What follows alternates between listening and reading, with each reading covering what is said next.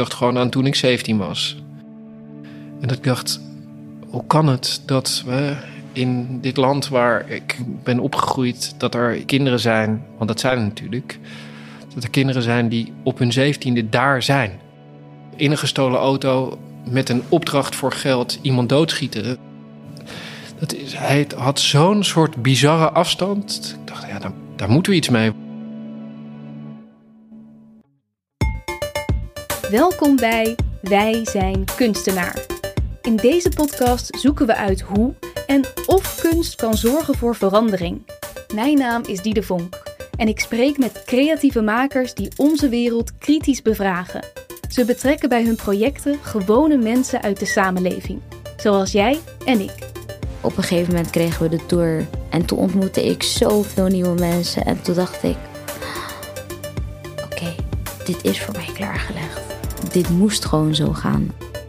Is het een illusie om te denken dat kunst echt iets kan veranderen?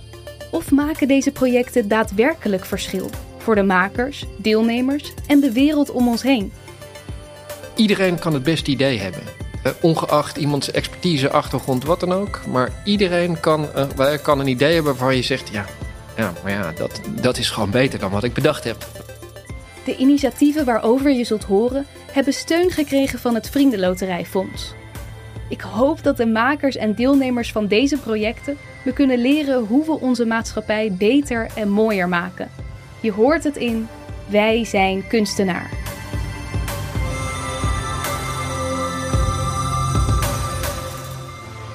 Het begon met een nieuwsbericht op RTV Rijnmond jaren terug. Dat dus ging over twee jongens die, van 17 en 18 die een huurmoord hadden gepleegd. Hier op Rotterdam Zuid. Die hadden op een avond vlak voor kerst vanuit een gestolen auto met een AK-47 twee mensen doodgeschoten, twee mannen doodgeschoten die in een auto met elkaar zaten te praten. Eentje was de bedoeling en de ander zat toevallig te praten met een vriend in die auto. En die waren ook nog eens een keertje uh, heel hard gestraft. Die hadden 20 en 25 jaar gekregen. Uiteindelijk gaat dit verhaal over wat het, wat het betekent als je vanaf jongs af aan door je omstandigheden of door de mensen om je heen gewoon continu te horen krijgt: je bent niet goed genoeg. Dus je wordt in armoede geboren, eh, je vader is er niet. Op school uh, hebben ze geen tijd om uh, te zien dat je echt wel kwaliteiten hebt, maar ben je vooral dat lastige jongetje wat niet stil wil zitten. Of... En zo gaat het door en uiteindelijk creëert dat een soort state of mind die alleen maar gaat over zorgen dat je niet verder gekwetst raakt. Je hoort theatermaker Floris van Delft van gezelschap Wat We Doen over de voorstelling Angry Young Man, die hij maakte samen met hip-hop-artiest Winnen. Via de scherpe teksten van Winnen en de muziek van producer Benny Hanna, die je nu ook hoort, wordt het publiek meegenomen door de acteurs in een verhaal over twee jongens die opgroeien. De ene pleegt uiteindelijk een moord, de ander is slachtoffer.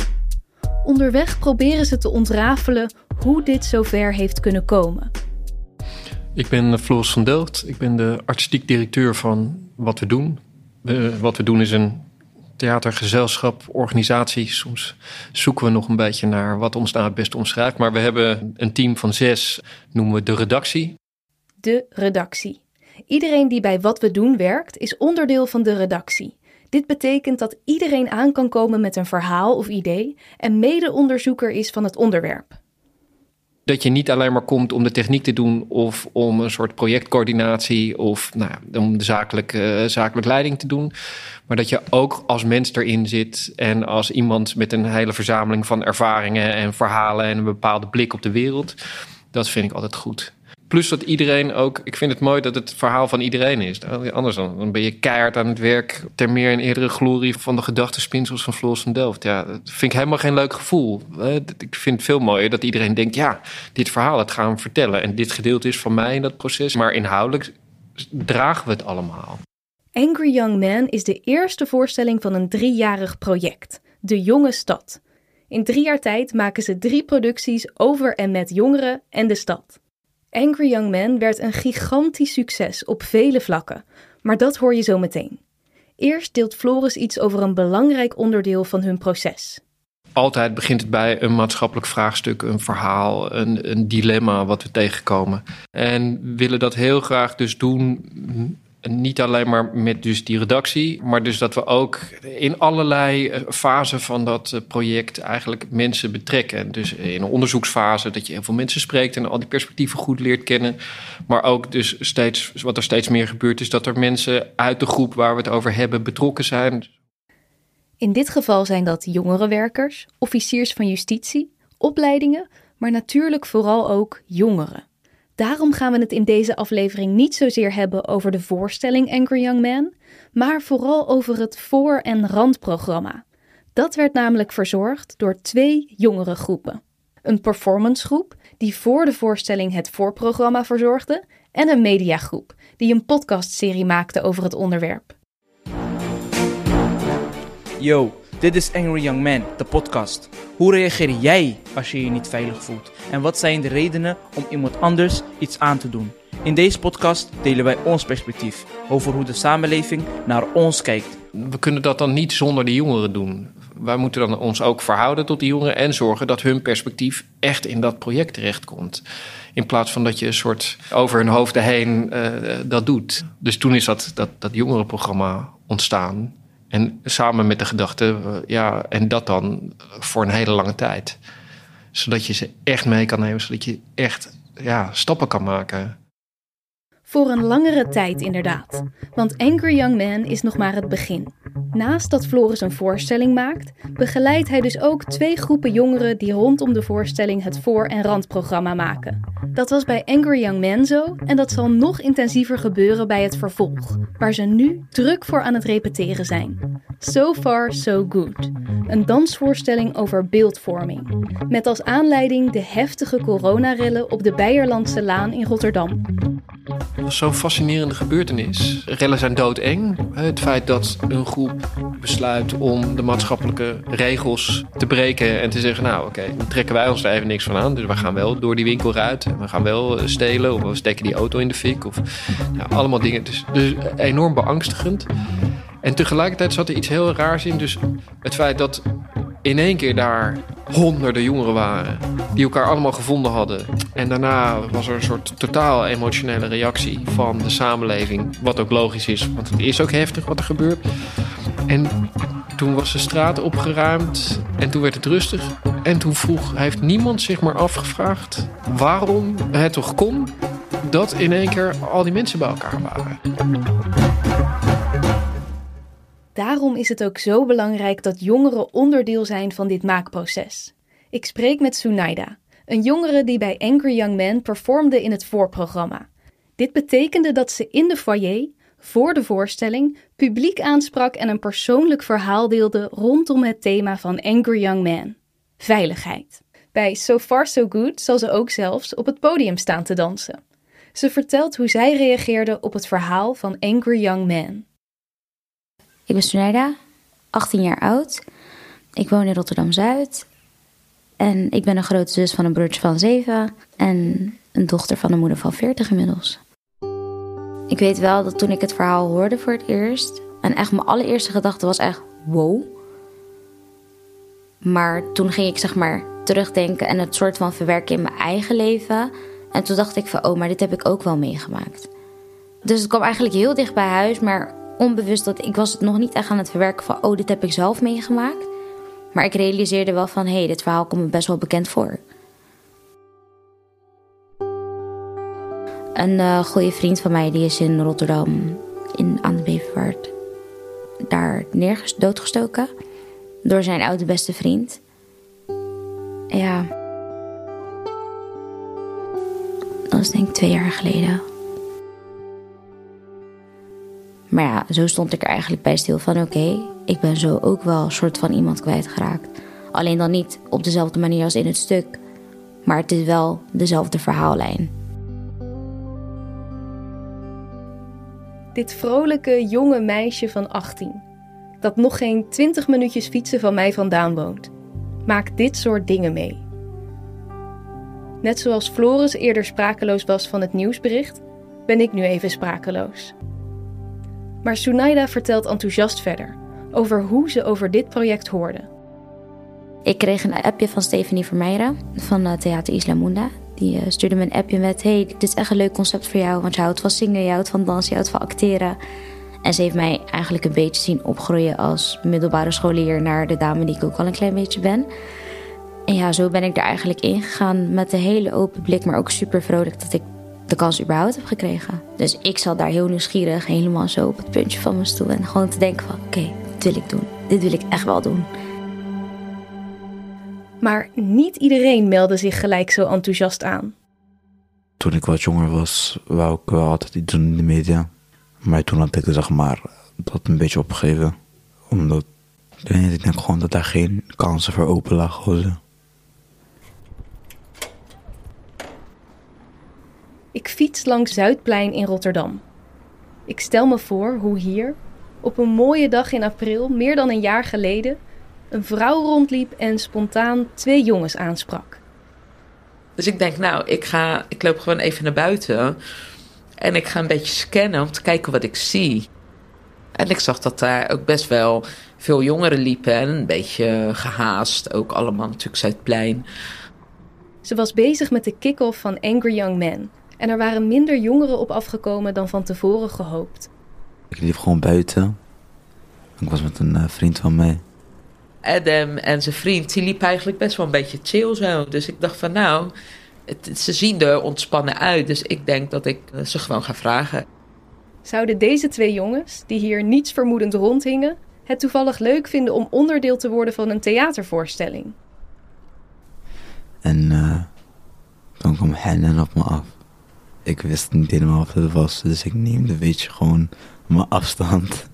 Toen heb ik eigenlijk gewoon uh, verteld wat we aan het doen waren en wat voor moois uh, we gingen neerzetten.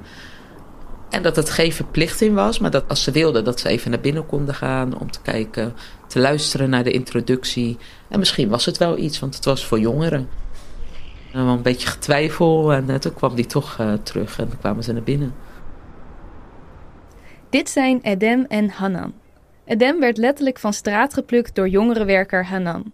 Zoals je al hoorde, wilde hij toen hij jonger was graag iets met media, maar dacht hij dat er daar geen kansen voor hem zouden liggen. Hanan was degene die ervoor zorgde dat daar verandering in kwam. En weet je nog wat toen op die kick-off werd verteld? Nou, ik denk het niet, want je was ook niet heel erg aan het opletten soms. Toch bleef Adam. Hij werd onderdeel van de mediagroep en maakte een succesvolle podcast bij Angry Young Men. Ondertussen doet hij ook weer mee met de nieuwe voorstelling So Far So Good. En heeft hij dankzij dit project een succesvolle stage afgerond bij Open Rotterdam. En hij is nog maar 16. En ik vond het in het begin wel een beetje apart, als ik eerlijk ben. Omdat ik gewoon niet wist wat het precies was. En ik zag allemaal mensen die ik niet ken. En dan eerst twijfelde ik nog. En uh, toen leek het wel leuk te zijn. En je zit er nog steeds? Ik zit er nog steeds. Ik moet vaak nog denken bij de eerste avond dat we jongeren bij elkaar hadden voor Angry Young Men. Hadden we een soort informatieavond. En toen kwam wel eens die groep die zat daar en dat, ja, dan zitten daar eh, een hoop jongeren met, eh, nog met een oortje, met muziek, eh, een beetje onderuit gezakt. Uh, sommigen in trainingspakken met een hoodie. En, en dat ik ook dacht, oh ja, nou, dan komt zo'n rondje en dan gaan we natuurlijk allemaal zeggen dat we uh, ook willen rappen of hip-hop of uh, nou, wat, dat soort dingen. En toen begon dat rondje en toen, iemand zei, ik hou heel erg van tuinieren. nee, ik speel heel goed saxofoon. ik doe aan tapdansen. Nou, wij dat zo achter elkaar dat ik dacht, oh jongens. dus dat bedoel ik eigenlijk. Dus voordat je dat publiek daarmee kan confronteren, moet je dat ja, moet je jezelf een beetje schaamtevol betrappen op, op je, waar je zelf zit. Want ik ben natuurlijk ook, hoe, hoeveel ik er ook mee bezig ben, ik ben ook gevoelig voor berichtgeving. Ik ben ook gevoelig voor de, de soort de mainstream mening, die maar heel subtiel zo, natuurlijk de afgelopen decennia eigenlijk steeds harder is geworden. Dat, dus, dus het was zo'n goede ervaring. Ja, vooroordelen. Daar zijn ze weer. In alle projecten die ik langs ga voor deze podcast kom ik ze tegen. En we hebben ze als mens allemaal. Maar wat ik het mooie vind aan de makers die ik spreek, is dat ze die vooroordelen zich niet laten belemmeren om andere groepen op te zoeken. Ze stellen zich open en worden meestal verrast. De performancegroep ging mee op tour en voor de voorstelling in de foyer spraken zij dus publiek aan. Super spannend. Sunaida deelde dan iets over haar soms heftige relatie met haar moeder en oma, gevolgd door een dans. Ik vraag haar hoe het was om dat niet alleen met de groep, maar ook nog eens met onbekend publiek te delen. Toen moest ik zelf ook wel heel even verwerken van oké, je legt je nu wel heel erg bloot. En op sommige momenten was ik er dan en dan was, had ik echt het gevoel van oké, nu wil ik mijn script niet voorlezen. Ik weet niet, het was ergens gewoon het gevoel van ik heb te veel informatie met iedereen gedeeld. Dat ik zelf even aan de handrem had getrokken. En op een gegeven moment dacht ik van, is helemaal niet nodig. Het moet naar buiten, anders gaat niemand ze begrijpen. Dus ja, vanaf dat moment dacht ik, oké, gezien worden is toch eigenlijk niet zo erg. En toen heb ik het gewoon geaccepteerd. En naast dat vond ik het ook gewoon nog steeds spannend. Want ja, je neemt iemand mee en je vertelt het over jezelf. Je legt je eigenlijk bloot zonder je fysiek bloot te leggen, zeg maar. Wat voelde je toen je het deelde? Opluchting. Hele erge opluchting ergens. En ja, op een gegeven moment kregen we de tour. En toen ontmoette ik zoveel nieuwe mensen. En toen dacht ik: Oké, dit is voor mij klaargelegd. Dit moest gewoon zo gaan. Hanan was tijdens het proces aanwezig als vertrouwenspersoon en begeleider. Ze vertelt hoe zij zag dat de groep zich ontwikkelde. Wat je echt wel heel snel zag, was uh, de groei binnen de groep. Ook de, groep naar de groei naar elkaar toe, zeg maar. Dat uh, de jongeren bijna allemaal ook echt een verhaal meedroegen. Er zaten best wel ook een paar uh, die echt ook wel een pittig verhaal hadden. In ieder geval dat er wel uh, ook een stukje pijn zat op... Uh, is het uh, pestgedrag, is het agressie, is het thuissituatie. Dus er, was, waren echt wel verhalen die pittig waren. Het mooie was dat er vertrouwen ontstond. Want iedereen voelde zich blijkbaar wel veilig om met elkaar te delen, elkaar te steunen, elkaar te helpen. En voor mij was dat mooi om te zien, omdat ik weet dat zo komend uit de coronapandemie, dat er ook wel heel veel verborgen eenzaamheid gewoon zit. Jongeren zijn natuurlijk, is een, eigenlijk een ontzettend onzekere fase. Dus die veiligheid die je nodig hebt om iets van jezelf te laten zien en uh, daarvoor te gaan staan. Hè, dus ook te zeggen, nou, dit ben ik dan.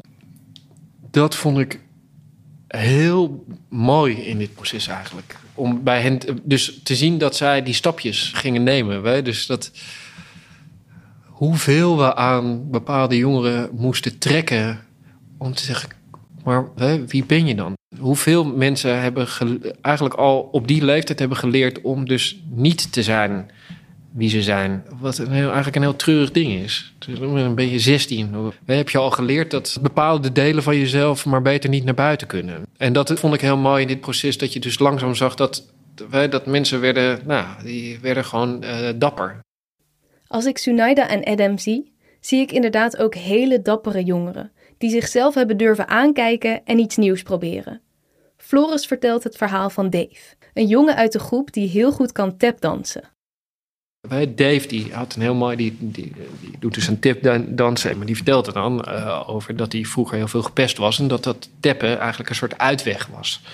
En die zei ook van ja, ik, eh, de ervaring dat mijn verhaal werkt bij allerlei mensen en dat dus allerlei mensen daar ook een verhaal over hebben, is heel bevrijdend. Nou, het is wat ontroerend, vind ik het. Zonder dat ik het verwacht, zie ik dat Floris emotioneel wordt. Waar komt dat vandaan? Is hij trots? Ja, dat is het, trots. Uh, ik vind altijd mooi dat mensen dapper durven te zijn. Ja, het is toch gewoon een enge wereld vaak waar we in leven. Hè? Dat je dan die stappen durft te nemen. En ook omdat je mensen dan zo vanaf het begin hebt meegemaakt. Dat is volgens mij ook. Je hebt mensen leren kennen op een bepaalde manier. En gezegd van. Uh, en gezien hoe ze binnenkwamen met, al, met, hè, met de dekking hoog. Dat ze dan uiteindelijk daar met super veel zin zo'n foyer in Deventer of, of met de burgemeester van Amsterdam in één keer een gesprek zitten te hebben over wat er aan de hand is. Of met de directeur-generaal ondermijning van het ministerie. Ja, dan, eh, dan ben je een, eind gekomen met elkaar. En dan staat daar Sunaida, die eh, was net, net 18. Eh, kwam binnen als een meisje met een hele grote bek. En die gewoon een grote bek had, omdat ze dat geleerd had... dat bij aanval is de beste verdediging. Maar die stond in één keer... Ik, ik, ik had me nog niet omgedraaid. Of, eh, of ze stond met de hoogleraars eh, hoe heet het, eh, sociologie te praten. En hem helemaal uit te vragen en hoe die, hoe die studie dan in elkaar zat. Omdat ze gewoon denkt, ja, nu, hè, ik ben, er is iets in mij open. En daar wil ik gewoon meer van weten. Of daar wil ik een plek voor vinden waar ik dat kan, eh, kan vinden. Ja, Wat ik meeneem is vooral zeg maar alle kennis die ik meeneem. Ook met de podcast, dan leer je echt hoe je bijvoorbeeld de podcast zelf moet hosten en zo. En als mens? Nou, ik denk wel dat ik ben veranderd. Dan zeg maar, als je heel veel praat, ook voor het project en ook voor mijn stage. Want ik heb ook stage gekregen via dit project. Een hele leuke stage bij Open Rotterdam. En ik was eigenlijk best wel een jongen die heel snel iets zegt voordat ik erover nadenk en zo. Ik was best wel opvliegerig gewoon. En eh, dat leer ik nu zeg maar wel wat minder te doen. En dan nu denk ik ook echt na voordat ik wat zeg. En dat had ik misschien een jaar geleden niet gedaan omdat ik eh, ook voor mijn stage zo- en ook voor dit project heel veel praat. En dan ook met de podcast, dan leer je ook gewoon, je hoort jezelf af en toe terugpraten. En dan denk je gewoon, ja, dan, dan denk ik gewoon, ben ik nou dom of waarom zeg ik dat nou? En dan, dan leer je het ook af. Ik denk dat ik ook echt een andere persoon was toen dan nu. Je bent een stukje volwassener geworden, Adam, in dat jaar. Een beetje. Ja, ik denk mentaal echt een groeistuk waarvan ik echt zelf niet had verwacht dat ik dat in zo'n korte tijd had geleerd. Dus naast ervaring ook heel veel extra kennis opgebouwd. Over het leren kennen van anderen. Over hoe een ander denkt. Dat was voor mij heel spannend in het begin. Maar uiteindelijk dacht ik wel van, ik kan het wel aan. Het was voor mij een soort van mezelf echt wel terugvinden na jaren tijd. Want ver voor het project is er veel gebeurd. En ja, dan realiseer je niet echt van, oh, je begint jezelf eigenlijk een beetje in te sluiten. Je neemt afstand, dat merk je wel. Maar het is van, oké, ik neem wel gewoon een paar stappen terug. En ja, ik ben eigenlijk wel blij dat ze me dat een beetje uit me hebben gehaald. Hoe, hoe is dat gebeurd, denk je? Hoe komt dat? Heel vaak op mensen afstappen. Heel vaak gepusht worden van hier, ga nou maar, ga nou maar, ga nou maar. En op een gegeven moment kon ik het waarmaken door gewoon echt mezelf weer te laten zien. Naast het project. Was het ook echt van hier jongens, ik ben er weer. Adam werd een stukje volwassener. Sunaida durfde zichzelf weer te laten zien. Maar het was niet alleen betekenisvol voor de jongeren die meededen. De voorstelling sloeg in als een bom. Bij alle groepen die belangrijk zijn in het verhaal.